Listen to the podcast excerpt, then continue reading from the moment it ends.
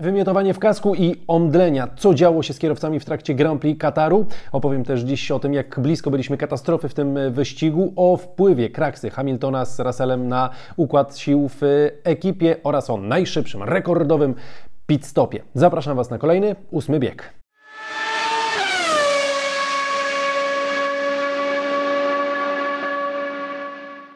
Partnerem ósmego biegu jest wypożyczalnia samochodów Odkryj Auto.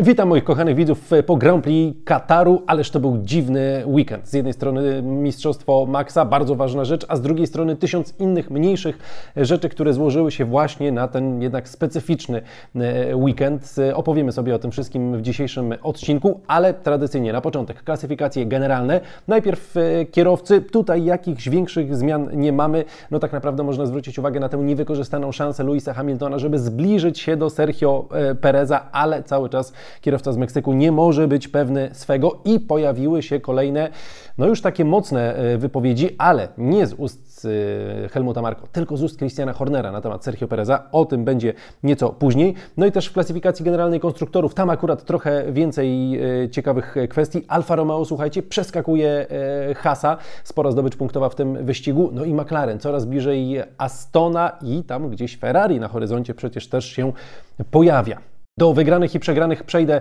e, za moment. Tam będą nie tylko kierowcy i zespoły, ale też parę innych e, kwestii przy okazji e, omówię. Ale najpierw słuchajcie, parę słów na temat tego, jak gigantycznym fizycznym wyzwaniem był ten wyścig. Dlaczego w ogóle było tak ciężko w Katarze? No bo przecież 33 stopnie około w trakcie wyścigu. No, ścigali się już kierowcy w takich warunkach. Duża wilgotność, no też się w takich warunkach ścigali, ale mamy tutaj jeszcze do tego dołożone bardzo szybkie, wymagające zakręty, tych na torze w Katarze jest y, mnóstwo, y, plus jeszcze ta mm, zasada wprowadzona na ten wyścig, czyli praktycznie obowiązkowe trzy pit stopy, co oznaczało, że na każdym z wyjazdów na, y, po odwiedzinach u mechanika kierowcy cisnęli praktycznie na maksa. To niemalże cały czas było takie tempo kwalifikacyjne, tam nie było takiego momentu, w którym się zarządzało tymi oponami, więcej było po prostu ciśnięcia. No i to skończyło się właśnie tym, że niektórzy tego wyścigu nawet nie ukończyli, a inni byli na skraju dosłownie wytrzymałości. I teraz przytoczę Wam wypowiedzi poszczególnych e, zawodników. Logan Sargent, no tutaj nic nie muszę przytaczać, bo sami widzieliśmy, nie skończył tego wyścigu, odwodniony, trafił do centrum medycznego, miał wcześniej grypę, w tym tygodniu grypę, przeziębienie mm, i z tego powodu też był bardziej e, osłabiony w trakcie wyścigu. Esteban Ocon zwymiotował do kasku. E, to trwało dwa okrążenia, 15-16 kółko, mm, wtedy właśnie do tego doszło. Wiedziałem wtedy, że to będzie długi wyścig, a przecież ja jestem przygotowany do tego, żeby przejechać tak naprawdę dwa dystanse wyścigowe. To było piekło, mówi Esteban Ocon, w kokpicie było z 80 stopni. No to oczywiście takie pomiary na oko, ale yy, odczucia Estebana podzielają inni kierowcy. Było okrutnie gorąco w tych yy, kokpitach. Przecież Fernando Alonso mówił, żeby może mu coś polać tam w tym samochodzie, polać go jakoś wodą, bo po prostu bardzo grzeje go tyłek w tym, w tym samochodzie i no, Fernando to jest człowiek, który na takie rzeczy rzadko narzeka. Słuchajcie, Lance Stroll ledwo wysiadł z samochodu, oglądałem sobie kamerę pokładową e, Strolla chwilę po wyścigu, bardzo długo wychodził z samochodu, to zresztą było widać u wielu e, kierowców. Oni nie wyskakiwali, tak jak zwykle po, po wyścigu, tylko wychodzili na raty, siadali na e, tej obręczy Halo jedna noga, dopiero za chwilę druga. Bardzo wolno z tego samochodu odchodzili. Niektórzy od razu, gdy ekipa do nich podbiegała, prosili, żeby e, puścili im strumień zimnego powietrza z jakichś dmuchaw suchym lodem na, e, na twarz. Lance Stroll, wracając do niego, on wysiadł z samochodu i słuchajcie, pierwsze kroki skierował do karetki, która akurat stała obok. Jeśli znajdziecie to nagranie, to zobaczycie, że on po prostu tak niemalże wbił się w tę karetkę. Widać było, że on po prostu ledwo idzie. No i później po wyścigu mówił, że ostatnie 15-20 okrążeń wszystko mi się rozmazywało na szybkich e, łukach miałem takie spadki ciśnienia e, krwi, że na momenty króciutkie traciłem e, świadomość, traciłem przytomność. To brzmi bardzo, bardzo groźnie. Na szczęście nic się nie stało. Ale idziemy dalej. Esteban Ocon, przegrzany organizm też trafił do centrum medycznego. Valtteri Bottas mówił o torturach w tym wyścigu.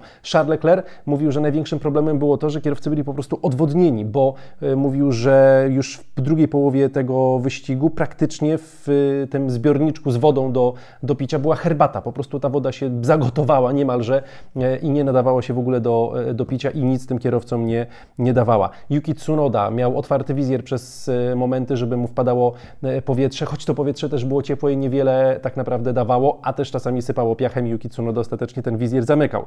George Russell mówił, że czuł mrowienie w ciele i był na granicy omdlenia. Powtarza słowo w zasadzie strola, czyli podobna sytuacja najtrudniejszy wyścig w życiu fizycznie, mówi Russell, który też przez y, wiele czasu w tym wyścigu jechał z otwartym y, wizjerem, ale mm, mówi, to było ciepłe powietrze, ale wciąż lepsze ciepłe powietrze niż żadne y, powietrze. Fernando Alonso mówi, że to jeden z trzech najtrudniejszych wyścigów w życiu. Ostatecznie, słuchajcie, kilku kierowców trafiło do centrum medycznego po tym wyścigu, wyścigu objawy przegrzania, takiego udaru cieplnego. Naprawdę to mogło się skończyć bardzo źle i ktoś tutaj nie przewidział pewnych e, rzeczy, nie połączył tych e, kropek. E, kierowcy są przygotowani do wielkich wyzwań i też za chwilę mogą się pojawić argumenty, no ale przecież bardzo często sportowcy dochodzą do, do granicy wytrzymałości. No tak, ale jak biegacz jest na granicy wytrzymałości, no to okej, okay, może stać mu się duża krzywda, ale nie jedzie samochodem 300 na godzinę i nie ma obok siebie innych samochodów i ta krzywda jednak trochę jest mniejsza Oczywiście nie ujmuje tutaj, broń Boże, biegaczom i tak dalej, ale ryzyko w Formule 1, no sami wiecie, że jest bardzo duże i omdlenia, wymiotowanie w samochodzie, mm, jakieś mroczki przed oczami, bo o tym też niektórzy kierowcy mówili, to jest sytuacja potencjalnie bardzo niebezpieczna. Trzeba to przegadać, trzeba wyciągnąć z tego wnioski i nie dopuścić, żeby takie sytuacje się mogły e, powtórzyć. Trzeba to próbować w przyszłości przewidywać po prostu wcześniej. E, w przyszłym roku nie będzie takiego problemu, bo wyścig będzie odbywał się na samym początku grudnia i wtedy te temperatury będą tam już e, niższe. No i też Zapewne nie będzie tej e, zasady o konieczności wielokrotnego zjeżdżania do, do pit stopów i to tempo wyścigu po prostu będzie trochę mniejsze. No dobra, to ja teraz przechodzę do wygranych tego wyścigu i tradycyjnie dajcie znać, kogo wy byście dorzucili, czy do wygranych, czy do przegranych. Zaczynam od Maxa Verstappena, ale wybaczcie, nie poświęcę mu jakoś bardzo dużo czasu, bo ja go chwalę praktycznie w każdym odcinku po wyścigowym, bo on na przestrzeni sezonu cały czas robił genialną e, robotę. Przypieczętowany e, tytuł e, w pięknym stylu, w niedzielę ten tytuł jeszcze tak sobie taki stempelek na nim postawił, bo ta sobota idealna jak na standardy Maxa nie była, bo w, tym, w tych kwalifikacjach do sprintu trochę brakowało tempa, no ale niedziela wielki szlem zdobyty, czyli najszybsze okrążenie, prowadzenie od startu do mety, zdobycie pole position, no i wygranie wyścigu, więc kolejny y, czwarty już chyba w karierze Maxa Verstappena, wielki szlem y, zdobyty, jemu na tym zależało, żeby właśnie w takim stylu ten weekend y, zakończyć i to się udało, choć McLareny nie były wcale tak, tak daleko. Wielkie brawa dla Maxa Verstappena. Jest wielki, ma trzy tytuły, trzy tytuły zdobyte z rzędu, ma 26 lat i ile on jeszcze tych tytułów może e, naklepać? Bardzo dużo. Oczywiście pytanie, jakie będzie miał do dyspozycji samochody, zespoły, bo od tego wiele zależy. Zespół to pewnie będzie cały czas e, ten sam, ale pytanie, jaki będzie e, samochód.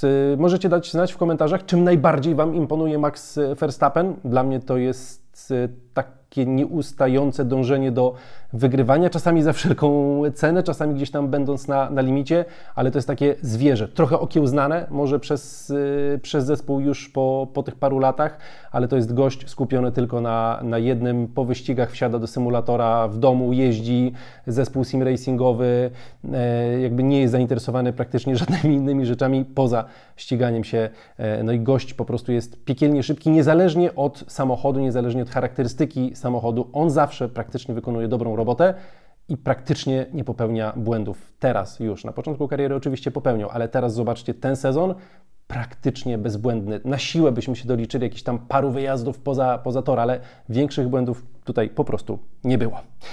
Bezbłędni byli też mechanicy McLarena podczas jednego z pit stopów, podczas którego pobili rekord, jeśli chodzi o najszybsze pit stopy. Minuta 80 sekunda 80, oczywiście. E, sekunda 80 e, to jest e, najszybszy pit stop w historii Formuły 1. Wcześniejszy rekord należał do Red Bulla 1,82. No a tutaj udało się to zrobić ociupinkę szybciej, więc duże brawa dla McLarena, który nawet w takim obszarze się rozwija i nawet w takim obszarze e, potrafi ucierać nosa konkurencji, więc e, świetnie się patrzy na to, co, e, co robią, no i świetnie się patrzyło na nich w ten, w ten weekend. Słuchajcie, no ich forma jest kapitalna. Ten sezon się kończy. Za chwilę mamy sezon 2024. Ja już nie mogę się doczekać, jak to będzie u nich wyglądało przez przerwę zimową i co przywiozą na początek przyszłego roku, bo na razie to, co robią od mniej więcej połowy tego sezonu, też jest sytuacją, w której widać, że tych błędów jest niewiele. Oczywiście te błędy są, ale to jest zespół, który wykonał największy progres i ja nie wiem, gdzie jest ich sufit. Bardzo bym chciał, żeby był bardzo wysoko i żeby byli w stanie w przyszłym sezonie walczyć z Red Bullem. W tym wyścigu Lando Norris mówi, że w pewnych momentach y, byli nawet szybsi od Maxa Verstappena. Więc y, też z ciekawością będę te ostatnie wyścigi jeszcze sezonu y, oglądał, bo naprawdę jako jedyna y, ekipa w tym momencie są tak blisko, znaczy tak blisko, blisko i daleko Red Bulla, mm, choć jestem ciekaw, jakby też Mercedes w tym wyścigu wyglądał. W każdym razie, słuchajcie, jedna kwestia z McLarenem, bo ostatecznie świetny weekend i dla Norrisa i dla Piastriego, tam Norris w kwalifikacjach i w kwalifikacjach do sprintu średnio, łamane na słabo, jak na niego. Bardzo był rozżalony po tych, e, po tych sesjach. No ale e, ostatecznie to podium w wyścigu e, zdobył, ale tym razem to Oscar Piastri był przed nim. To Oscar Piastri był przed nim w e, kwalifikacjach. To Oscar Piastri miał lepsze pole startowe. No i tam ta sytuacja robi się niezwykle ciekawa, bo ten debiutujący Australijczyk po prostu rozpycha tamtego Norrisa łokciami bardzo e, porządnie i ta sytuacja może być bardzo ciekawa w najbliższych miesiącach i może latach, no bo Norris po raz pierwszy w zasadzie jest w takiej sytuacji, że e, widzi, że jest to gość nie tylko bardzo szybki, ale też bardzo młody i tak naprawdę będący dopiero na początku swojej drogi. To nie jest Carlos Sainz czy, czy Daniel Ricciardo, to jest gość, który będzie jeszcze dużo szybszy, jak tego doświadczenia będzie nabierał. Bardzo, bardzo ciekawe. No i McLaren, 11 punktów do Astana Martina w klasyfikacji generalnej zespołów, 79 do Ferrari. Ciekawie ta końcówka sezonu pod tym względem też się e, zapowiada. Do wygranych zaliczam też oczywiście George'a Russella po tym, co się wydarzyło na początku tego wyścigu. Głowa w dół, pełne skupienie, fantastyczna remontada, fantastyczny powrót do e, czołówki. Dla mnie kierowca dnia obok Piastriego zdecydowanie. No i ta dynamika w zespole Mercedesa też jest bardzo e, ciekawa. Na pięć kwalifikacji po sesji kwalifikacyjnych po wakacyjnej przerwie, czterokrotnie szybszy od Hamiltona był Russell. I to jest taka statystyka, która boli kierowców. I Lewis Hamilton już podczas Grand Prix Japonii, albo nawet jeszcze wcześniej mówił, że kwalifikacje są w jego wykonaniu straszne i musi to poprawić. Więc tam też ta sytuacja, ok, punktowo od siebie mocno odstają, ale robi się tam gorąco. Jeszcze za chwilę do tego przejdę przy okazji omawiania Louisa Hamiltona. Do wygranych jeszcze e, Alfa Romeo, dwaj kierowcy w punktach. Ostatni raz taka sytuacja miała miejsce w Grand Prix Kanady, ale w zeszłym roku, więc e, spore, spore brawa. E, no i dla nich to jest ważne osiągnięcie w kontekście tego, jak wygląda klasyfikacja generalna zespołów, bo tam próbują uniknąć ostatniego miejsca w generalce i są na dobrej drodze. A przypomnę, Guan Yu Zhou do tego wyścigu startował z 19 pola. I jeszcze do wygranych Esteban Ocon.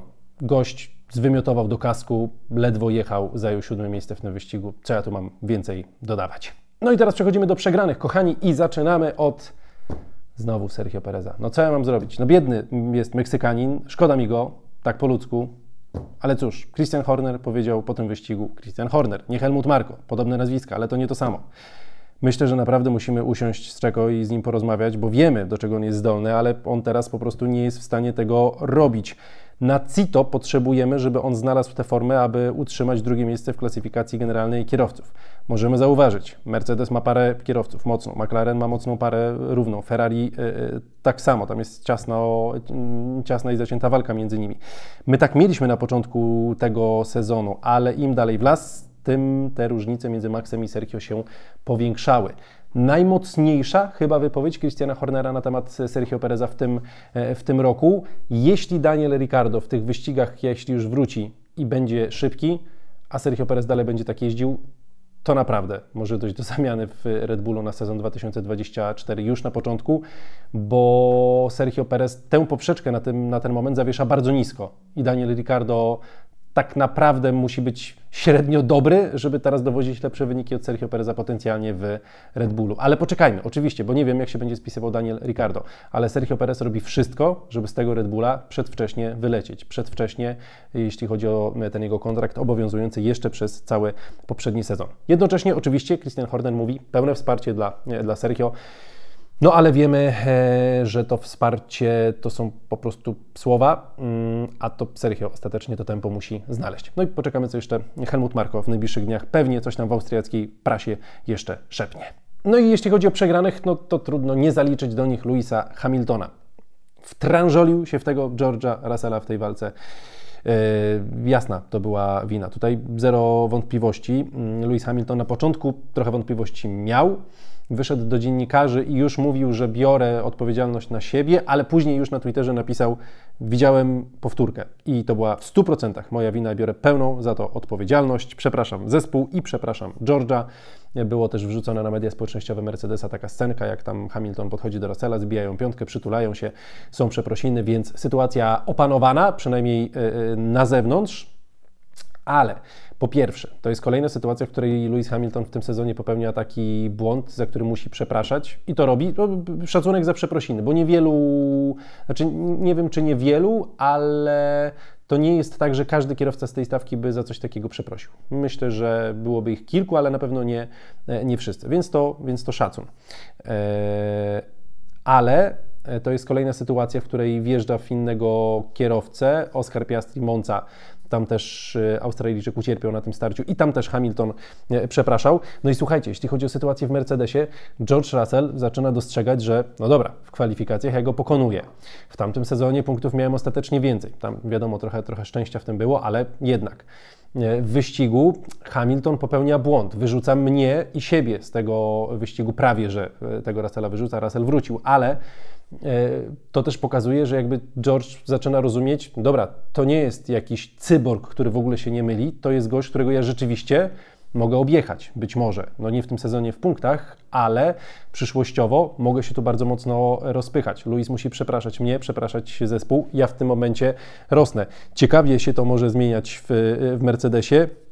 Jestem ciekaw bardzo kolejnych e, wyścigów. Russell widać, że jest zły, trochę na Hamiltona, e, bo po Japonii był zły i tutaj też w pierwszej chwili na gorąco powiedział, że drugi wyścig z rzędu, coś takiego się, się dzieje i ma rację, e, Y, to jest sytuacja, która może się rozwinąć ciekawie, choć też Mercedes od początku, mam wrażenie, dobrze nią zarządza, e, bo od początku też do mediów i do, do kibiców, do dziennikarzy poszedł sygnał taki, że dobra, Luis przeprasza, sytuacja opanowana, nie, nie mówmy tutaj o tym, że, że jest jakaś wielka drama w zespole, Pff, posprzątane ale będą musieli ze sobą porozmawiać, a to, co zostanie w głowie George'a po tej sytuacji, to też jest oczywiście inna e, e, sprawa. Głupi błąd, głupi błąd Luisa, mówili w Mercedesie, że omawiali różne scenariusze przed startem, no ale trudno czasami przewidzieć, kto tam metr w lewo, metr w prawo będzie.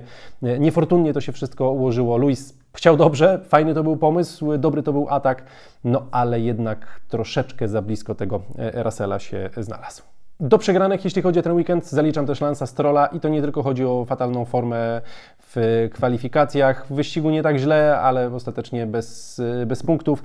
No ale było odepchnięcie swojego fizjoterapeuty, gościa, który też mu w tym sezonie bardzo pomagał, szczególnie na początku sezonu, jak była ta kontuzja nadgarstka. Sytuacja niedopuszczalna, sytuacja, którą Lance Stroll wytłumaczył, powiedział, że jesteśmy dobrymi ziomkami, czasami jest ciśnienie i, i tego ciśnienia się nie wytrzymuje. Mam po prostu bardzo zły weekend taki sposób się próbował tłumaczyć. Ok, każdy może mieć gorszy dzień. Nie wiem, czy odpychanie kogoś z zespołu to jest y, metoda na rozładowanie tego, y, dobra metoda na rozładowanie takich nerwów. Na pewno nie jest.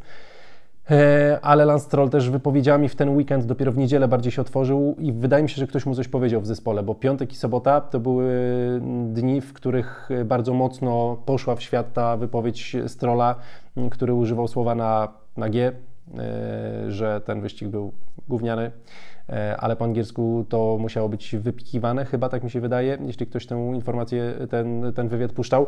E, więc poszła w świat informacja znowu, że Stroll jest rozkapryszony, wkurzony, odpowiada jednym, jednym słowem. W niedzielę już było pod tym względem trochę lepiej, ale pewnie za chwilę i tak wszystko wróci do normy.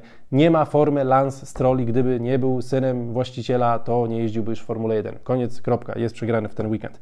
Ferrari też jest trochę przegrane, bo mogli nadrobić dużo punktów do Mercedesa, nie zrobili tego, e, a tam punktów leżało na stole sporo. Awaria w samochodzie Sańca, Leclerc robił co mógł, ale na zbyt wiele to nie wystarczyło. Liam Lawson żegna się z Formułą 1 w niezbyt ładnym stylu inaczej, gdyby to nie był Liam Lawson, który tak nas zachwycał w poprzednich wyścigach, to pewnie ja bym go tutaj w jakimś czyśćcu e, umieścił i powiedział, no dobra, zdarza się, ale po prostu szkoda, że akurat kończy w taki sposób tę, na razie przynajmniej, przygodę z F1. Kompletnie mu ten weekend nie wyszedł, na usprawiedliwienie jest wiele rzeczy, e, no bo to był weekend piekielnie trudny ze sprintem e, na torze, którego nie zna, więc oczywiście to nie jest coś, co będziemy mu wypominać i mówić, o przez to jest złym kierowcą. Nie, ale po prostu no, w ten weekend był po prostu kiepski. No i jeśli chodzi jeszcze o kwestie przegranych tego weekendu, to zaliczam tutaj też do tego grona firmę Pirelli. Skandaloza się działa z tymi oponami w ten weekend. Jak do tego doszło, że oni nie przewidzieli tego, że te tarki mogą być takie, a nie inne dla opon? Dwa lata temu był problem z oponami, też przecież Pirelli.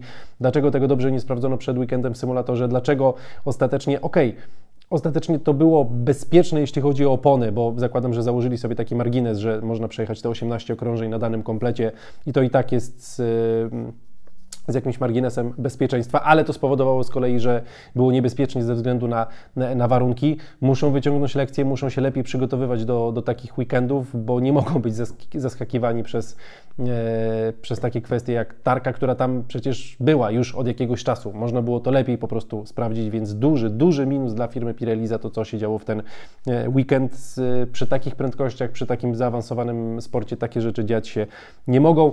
No i oczywiście nie mogą też się dziać takie rzeczy, jak się działy z limitami torów w ten weekend. Pogubieni byliśmy w piątek, pogubieni byliśmy też w weekend, co chwilę kary, co chwilę skasowane okrążenia. Już się wydawało, że mieliśmy fajny ten pomysł z tymi tarkami, że tarki wysoko zakończone, że to będzie kierowców zatrzymywało. Po piątku Hamilton, Verstappen, e, chyba Leclerc mówili, świetny pomysł z tymi tarkami, naprawdę fajnie, bo po prostu te tarki Cię e, są w stanie ukarać za zbyt szeroki wyjazd no ale okazało się, że opony Pirelli sobie z tym nie radzą, więc znowu nie ma pomysłu, jak z tymi limitami toru y, walczyć poza po prostu pułapką żwirową i na razie to jest najlepsze rozwiązanie, a tak to jesteśmy z takim bałaganem, ale trzymajmy kciuki, żeby ktoś rozwiązanie tego bałaganu znalazł, bo to jest bezsensowne i trochę zabija radość z oglądania e, kwalifikacji czy wyścigu, bo trochę nie wiemy momentami, co się e, dzieje. Ja wracam do Was z kolejnym odcinkiem, zapewne w czwartek albo w piątek, a na dziś bardzo e, dziękuję. Trzymajcie się, dobrego tygodnia.